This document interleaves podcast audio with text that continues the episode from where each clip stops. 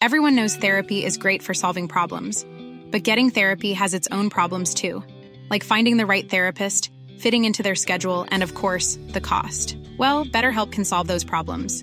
It's totally online and built around your schedule. It's surprisingly affordable too.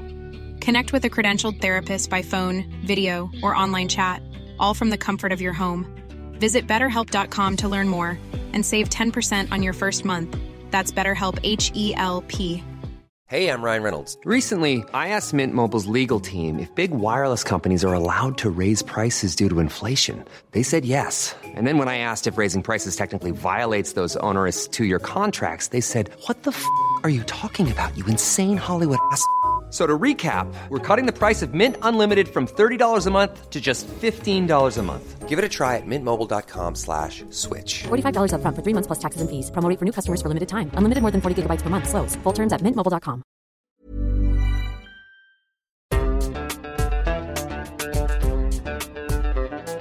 Podcast solved.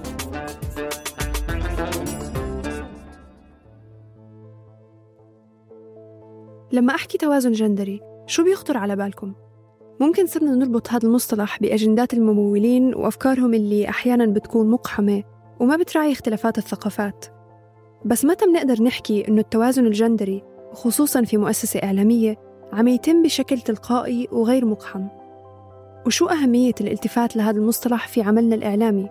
وكيف ممكن تطبيقه بشكل صحي على أرض الواقع؟ أنا جنى قزاز بقدم لكم بودكاست حرر. في هاي الحلقة بتنضم لي منى عبد المقصود أستاذة مساعدة بكلية الإعلام في جامعة القاهرة وخبيرة ومدربة في مجال الصحافة والنوع الاجتماعي. مقيمة في برلين وساهمت في إعداد بعض الأدلة التدريبية في مجال الصحافة الحساسة للنوع الاجتماعي واستدامة الإعلام والأخلاقيات المهنية للصحافة في مناطق النزاع.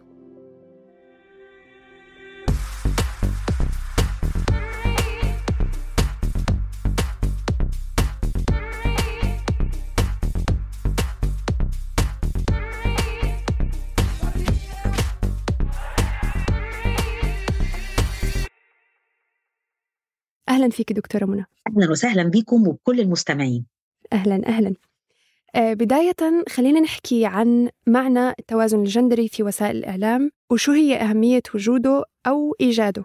اولا شكرا جزيلا أنكم اخترتم هذا الموضوع لأن رغم كل الجهود والسنوات اللي إحنا بذلناها في هذا الإطار لكن للأسف لازال هذا المفهوم بيتعرض لكثير جدا من الاستقبالات الخاطئة أو أحيانا التفسيرات التي يمكن أن تؤدي في بعض الأحيان إلى إن الناس تتجنبه أو تنفر منه.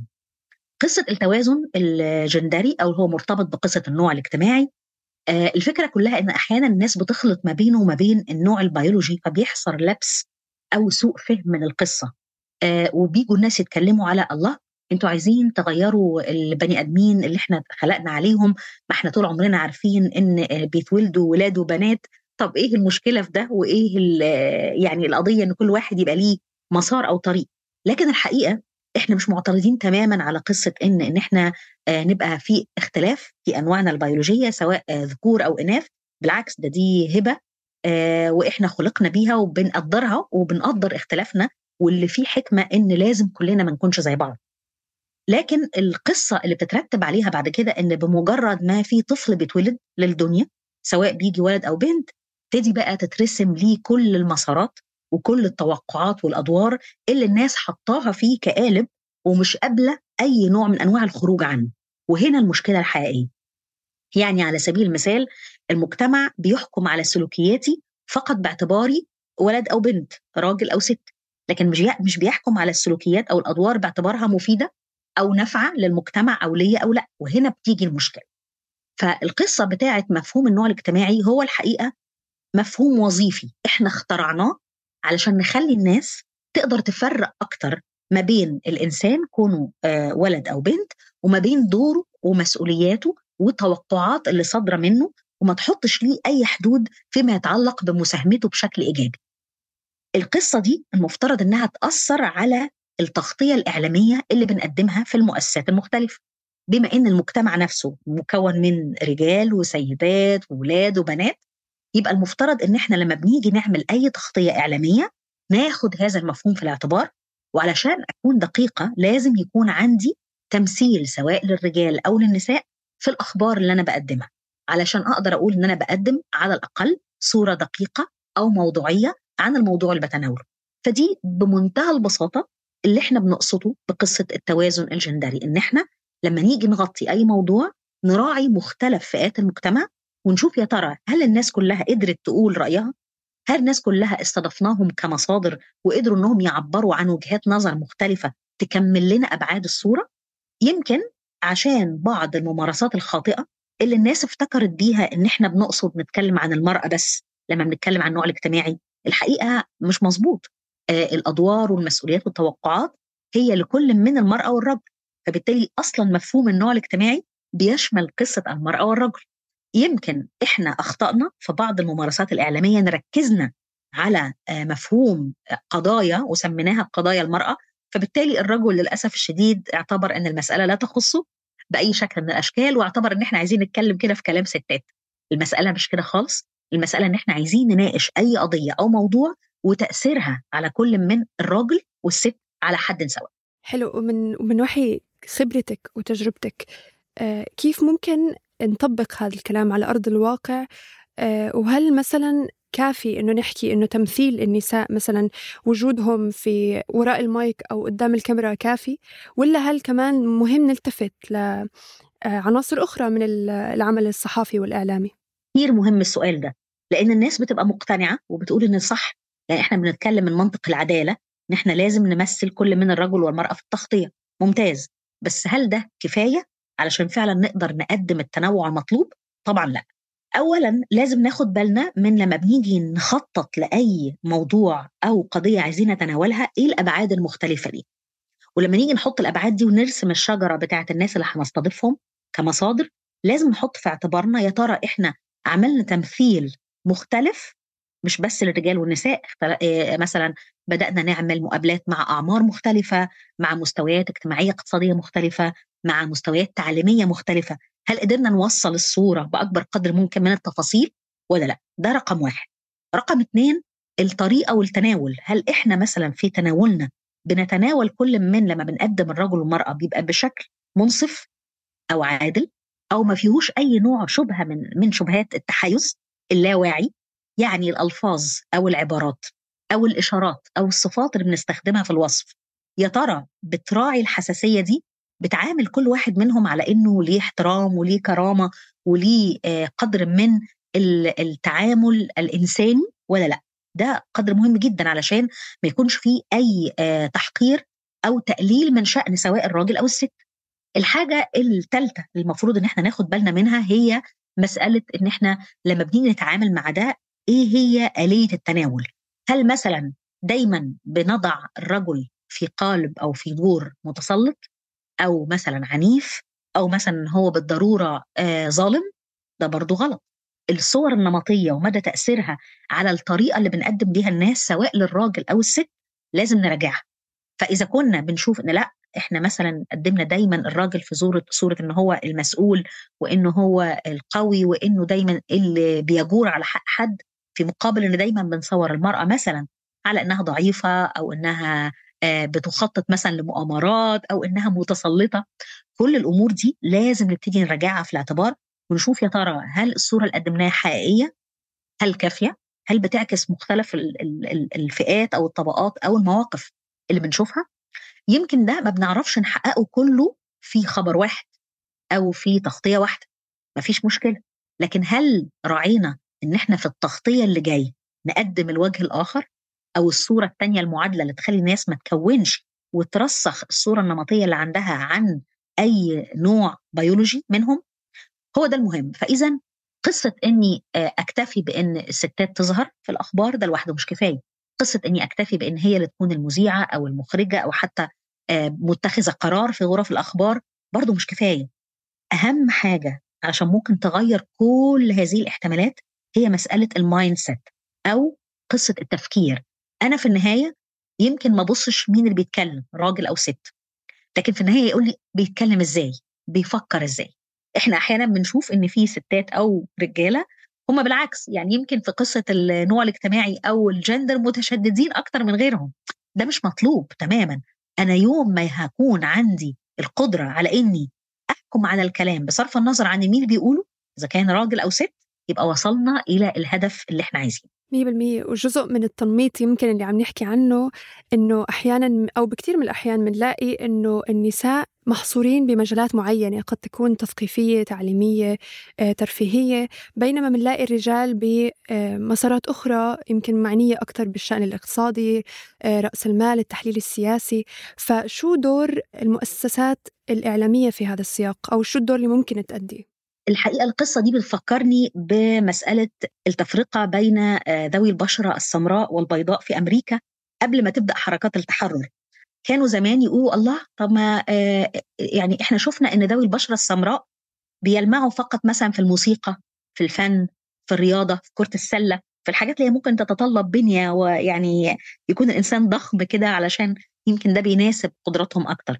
يمكن ما بينجحوش في مجالات تانية بس لما جم حللوا القصة والمسألة لقوا إن هي دي المجالات اللي فتحت لهم الأبواب إنهم يشاركوا فيها.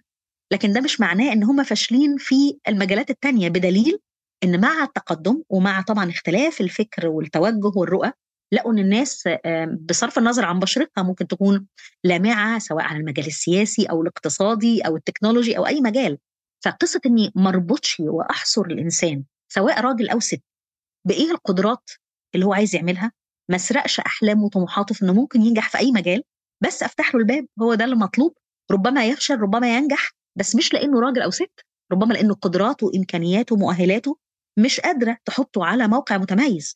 ولو إحنا وصلنا للنقطة دي إن إحنا ما نبصش إذا كان هذا الموقع اللي بيتبوأه شخص من الأشخاص آه، لأنه فقط ست أو لأنه فقط راجل أتوقع إن المجتمع هيستفيد كتير. لأن إحنا ساعتها هنكون بنحط الكفاءات ونستفيد بيها بالشكل المطلوب. مش هنبص بقى إن لازم ده يكون راجل أو لازم ده يكون ست لأن في كلتا الحالتين المجتمع خسران لأنه للأسف بيجنب نفسه فرصة إنه يستفيد بخبرات تانية أو بقدرات تانية قد تكون أكفأ في هذه المسألة. فيا ريت دي تكون دعوة إن المجالات ما تكونش مقصورة على حاجة من الحاجات وإن ده طبعا مش ضمان نجاح هو فرصة أو باب إحنا بنفتحه لأي شخص كان وهي دي بقى قصة العدالة الاجتماعية اللي إحنا بنتكلم فيها هي مسألة إن إحنا نتيح الفرص لكل الأشخاص الراغبين والقادرين القادرين والطموحين إنهم يحققوا ذاتهم بصرف النظر عن نوعهم البيولوجي.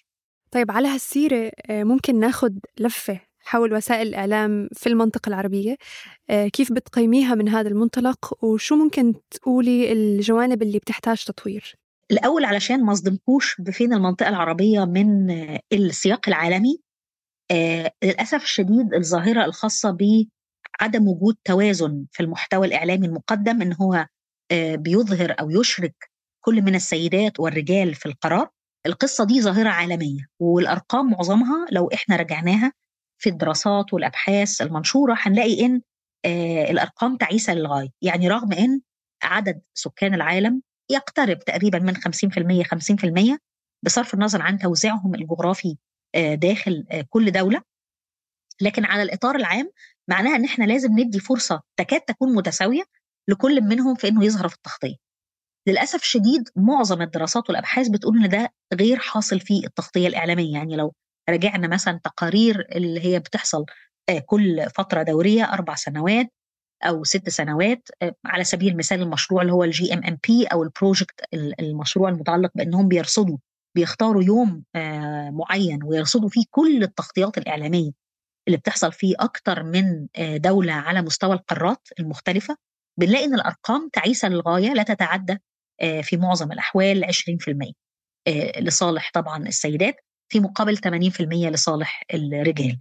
حتى كمان في الرصد الدوري اللي بيحصل للمنطقة العربية وأفريقيا على وجه الخصوص في مشروعات مثلا زي مشروع النساء في الأخبار اللي بيرصد بشكل سنوي ما مدى التوازن اللي بيحصل في التغطية الإعلامية على مستوى آه، مختلف المؤسسات سواء كانت اونلاين على الإنترنت أو أحيانا إذاعية أو إلى ذلك أو حتى فيديو بنلاقي إن للأسف هذه الكفة غير آه، متعادلة ومعظمها بيدور من 20 إلى 30% هل الأمور اتحسنت في الفترة الأخيرة؟ أيوه. في جهود الحقيقة تمت كتير في الفترة الأخيرة لأن إحنا بدأنا نعي آه، أهمية هذه القصة وتأثيرها على موضوعية ودقة التغطية بصرف النظر بقى عن الكلام المصطلحات العلمية زي النوع الاجتماعي والتوازن أو كده لكن حتى في مسألة الموضوعية والدقة والتنوع مش قادرين نحقق ده. ده في حد ذاته خطوة لأن المؤسسات بدأت تنتبه إن الصورة الكاملة بتقول إنها للأسف لا تعكس مختلف الفئات ولا تكلم مختلف الفئات وبالتالي بدأوا إن هم ينتبهوا بيقدموا دورات تدريبية للصحفيين والصحفيات بيحاولوا إنهم يرصدوا المحتوى كل فترة من فترات يشوفوا مدى التقدم اللي حصل يستعينوا بخبراء وخبيرات في هذا المجال يقدروا يشوفوا إيه مواطن الخلل علشان يحسنوها. أتوقع إن يكون في خطوات تحسن بطيئة لكنها نقدر نبني عليها في المستقبل ويمكن هي دي بقى المسألة المشرقة.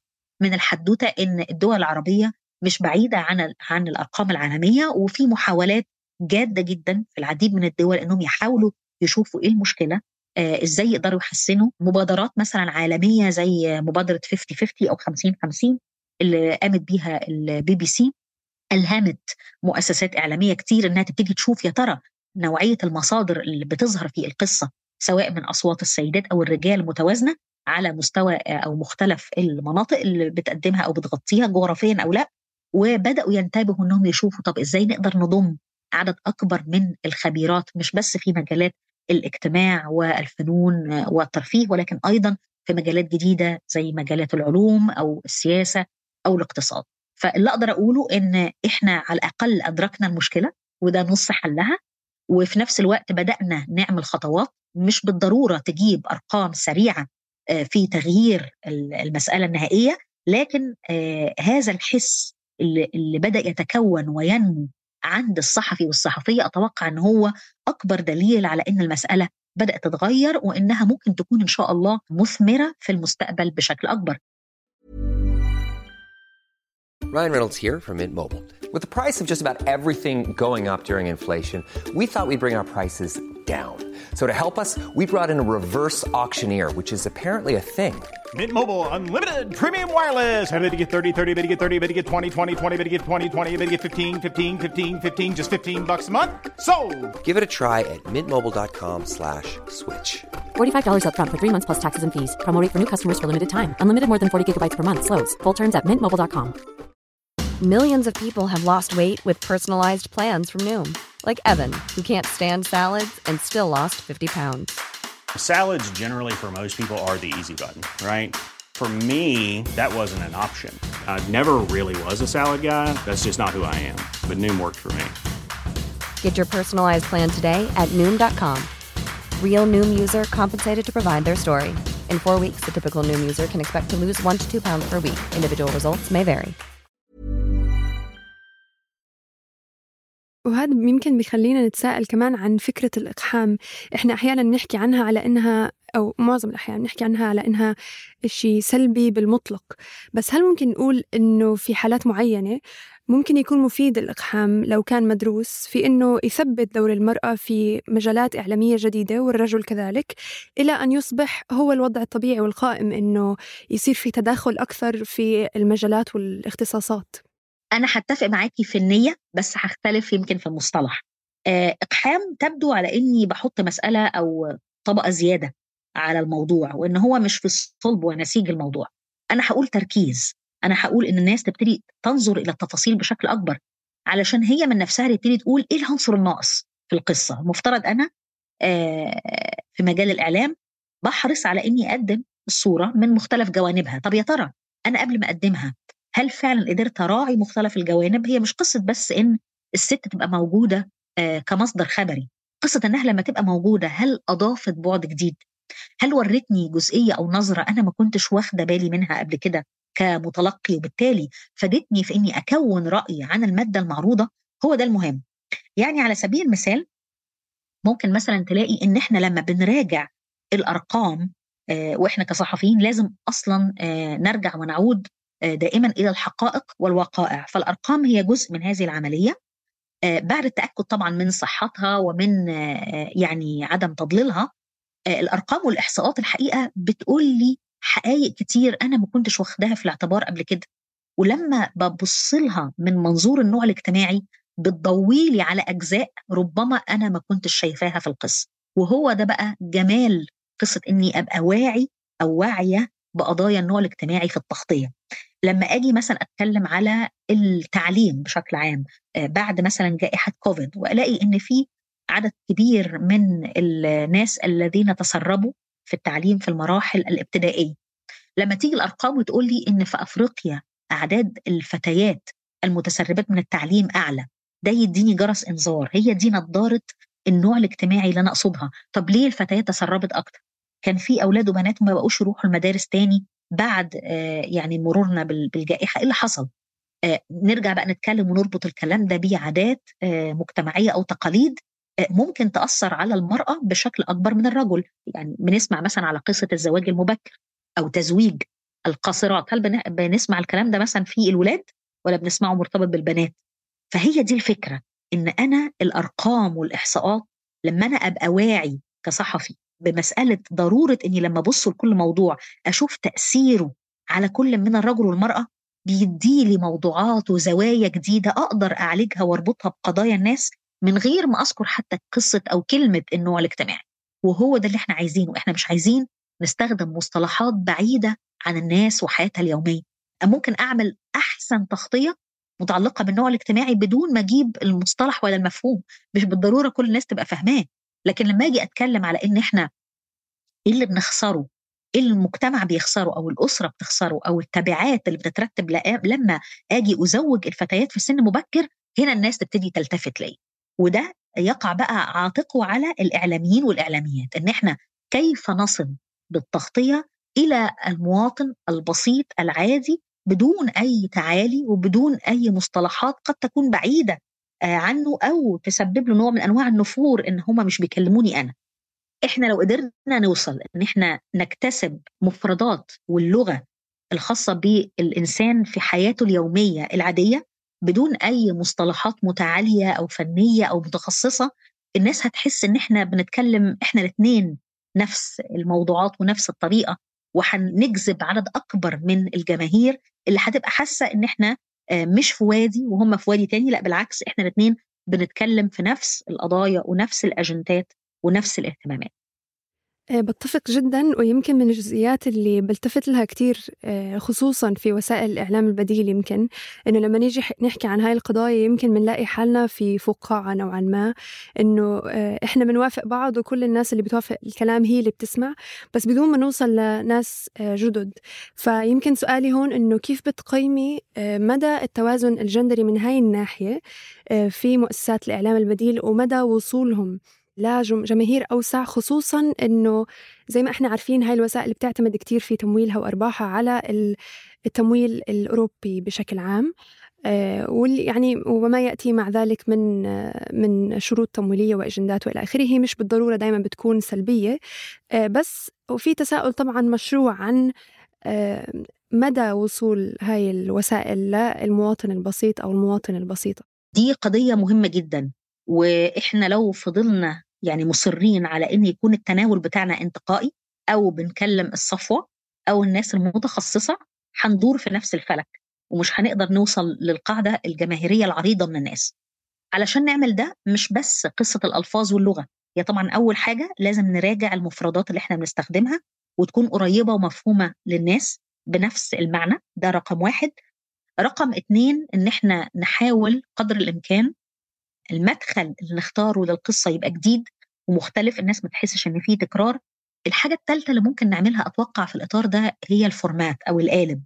يعني أنا بشوف إن في لو جيت كده أحلل عدد كبير من التغطيات الإعلامية وأشوف مدى مساهمة الجمهور في هذا القالب قد إيه؟ مقابل مدى مساهمة مثلا متخصصين أو مسؤولين أو صناع القرار. كل ما زود المساحة الخاصة بمشاركة الجماهير كل ما ده يديني ثقل اكبر في إني بديهم فرصة إنهم يعبروا عن رأيهم. يعني بشوف مثلا في قوالب تكاد تكون غايبة أو يعني قليلة في التغطيات الإعلامية. يمكن إحنا بنخاف إن إحنا نتطرق إليها أو بنبقاش عارفين يا ترى هتنجح أو لأ. يعني قوالب اللي هي متعلقة بالمناقشة والحوار قوالب أكتر اللي هي بتسمع على رأي الشارع مناظرات ندوات مستديرة تستضيف جمهور حي مع المتخصصين ويحصل نوع من أنواع الأسئلة والإجابات ردود ويكون في حوار بناء مشترك. مش بالضرورة كل الناس في الحوار تكون كلها نفس التوجه بالعكس كل ما كان الحوار بيجمع أطياف مختلفة ومجموعات مختلفة من الناس ليها توجهات أو أحكام مسبقة كل ما ده يبقى أنجح. آه علشان ما يبقاش إحنا دايما بنكلم نفسنا في المراية. وربما كمان نشوف بعض وجهات النظر اللي قد تبدو منطقية من وجهة نظرهم ونتعرف على إيه الخلل اللي ربما يكون في خطابنا آه ليهم. فيمكن تكون دي مراية كاشفة لينا إحنا أكتر ما تكون هي في النهاية عايزة تقنع اللي قدامي بتوجه معين. والفكرة اللي إحنا بنقولها هي مش مسألة بسيطة لأنها متعلقة بعادات وبتقاليد وبتنشئة اجتماعية إحنا اتربينا عليها وصعب إن إحنا يمكن حتى مش بس نغيرها لأ صعب إن إحنا نفكر فيها ونعيد إن النظر فيها باعتبارها إن هي شيء قابل للتغيير. الناس بتبص على الأمور دي على إنها مسلمات. آه يعني إيه مثلا نيجي نقول إن مرأة تقدر مثلا تقود أوركسترا؟ إحنا مش متعودين إن إحنا نشوف واحدة مثلا قائدة فرقة موسيقية. فده طبيعي متوقع. بس إحنا لما بنيجي نبتدي نناقش الناس طب إيه اللي يمنع؟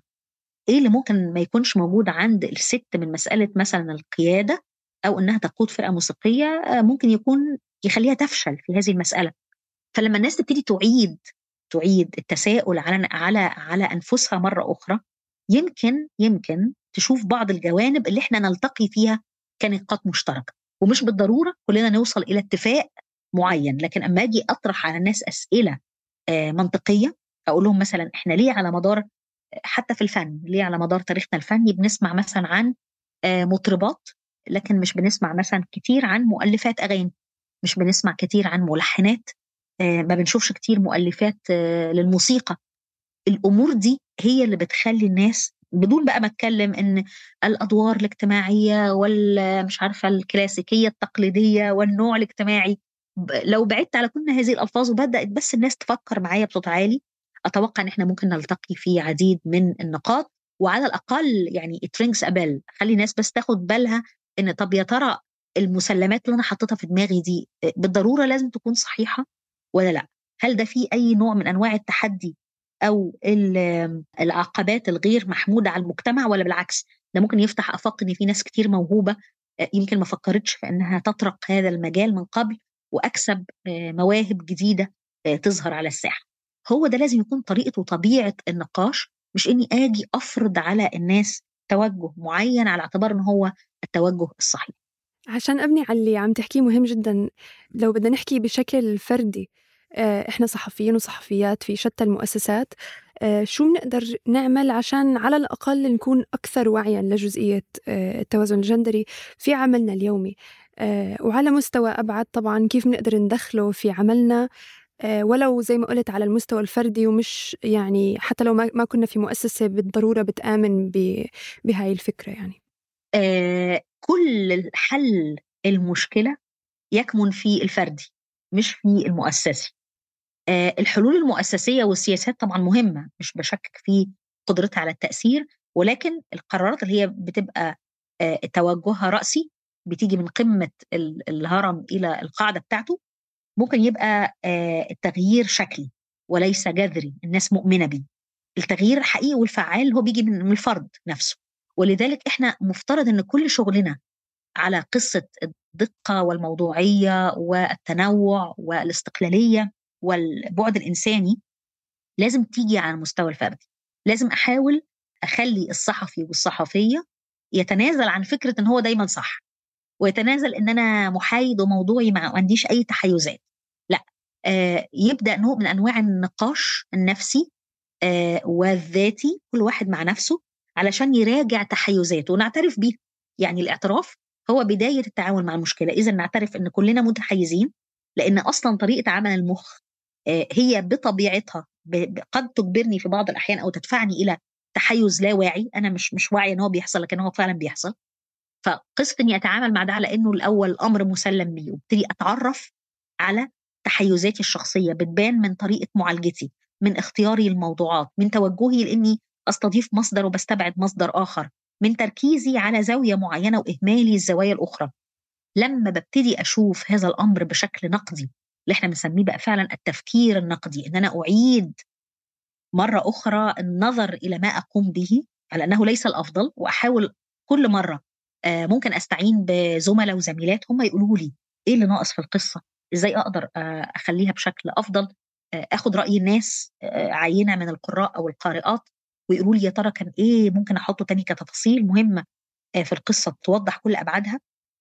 قدرتي على إني أكتشف تحيزاتي الشخصية ده مهم جدا وقدرتي على إني أتعامل معاها بشكل عادل ده مهم جدا. لما ألاقي نفسي مثلا بشوف حد من الأشخاص في الشارع وبعد كده صورة نمطية تيجي عندي مثلا عن فلان لأنه بينتمي إلى جنسية آه، أو إلى طبقة معينة فيجي عندي انطباع أو صفة عند الشخص ده.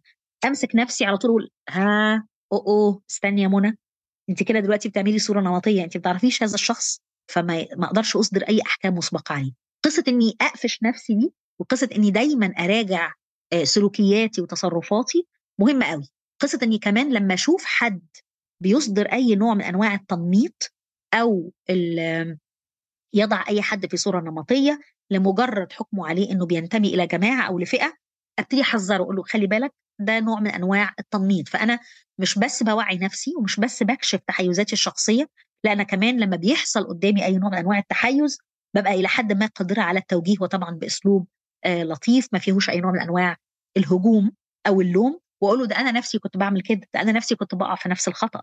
فأتوقع إن إحنا لو كل واحد فينا بدأ هذه المسألة بشكل فردي هيحصل تغيير هو التغيير أصلا بيحصل إزاي؟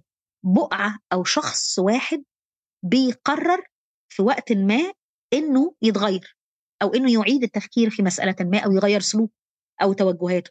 وهذا الشخص الواحد يبتدي يجذب مجموعة أخرى أو دايرة أقرب وأكبر وأوسع سنة من الأشخاص اللي بيتعامل معهم. وتبتدي الدايرة تكبر شوية بشوية وهو ده اللي بيعمل تغيير حقيقي في المجتمع. عمر التغيير في أي حالة من الحالات ما بيحصل لأن في مستني عدد كبير ينضم. لا واحد بس أو واحدة بيقرر أو بتقرر إن هذه المسألة قد تكون غير مفيدة. تعالوا نفكر في سلوكيات ثانية فبأكد على إن هذا التغيير الفردي مهم جدا ولذلك مفترض إن معظم الدورات التدريبية لما تبدأ تتكلم على مسألة التشكيل العقلي والتوجه الفكري للإعلامي والإعلامية وللصحفي وللصحفية ولا إننا لسنا حراس الحقيقة وإن الأمور بتتغير وإن ربما يكون في بعض الممارسات اللي إحنا اتعودنا عليها أو اتربينا عليها أو اتعلمناها ودرسناها مش بالضرورة تكون صحيحة. إحنا كمان نعيد التفكير زي ما بنطلب من الناس إنها آه، تعيد النظر في مسلماتها وفي أفكارها إحنا كمان لازم نعيد النظر. ولو عملنا ده هيجي بقى التغيير المؤسسي هتيجي بقى آه، استحداث سياسات هتيجي آه، تغييرات في السياسة التحريرية هيجي في تطوير في كتاب الأسلوب. كل اللي إحنا بنؤمن بيه هيجي وهيجي عن اقتناع وإيمان وهيكون تأثيره أكبر بكتير ما كان آه، فقط الأمور تتعلق بقوانين ولوائح دون أن يدرك الأشخاص إيه أهميتها أو جدواها حلو نختم هذا الحوار بهاي النصائح المهمة جدا. أه بدي أشكرك منى على مشاركتك بالحوار استمتعت جدا واستفدت جدا. أنا اللي بشكرك جدا وبتمنى من كل صحفي وصحفية وحتى الجمهور العام إن هو يعيد معي مرة أخرى. النظر في توجهاتنا وأفكارنا وآرائنا اللي هي مش بالضرورة تكون صحيحة 100% ولا بالضرورة تكون خاطئة 100% لكن دايما الإنسان الناضج الواعي هو اللي بيحاسب نفسه هو اللي بيشوف إلى أي مدى أفكاره فعلا بتحقق اللي هو عايزه أو لأ. أتوقع إن لو كلنا عملنا ده الدنيا ممكن تتغير بشكل إيجابي كبير جدا إن شاء الله. هاي الحلقة من بحث وإعداد رند خضير. مونتاج محمد خريزات وكنت معكم من الإنتاج والتقديم جنى قزاز بودكاست حرر من إنتاج صوت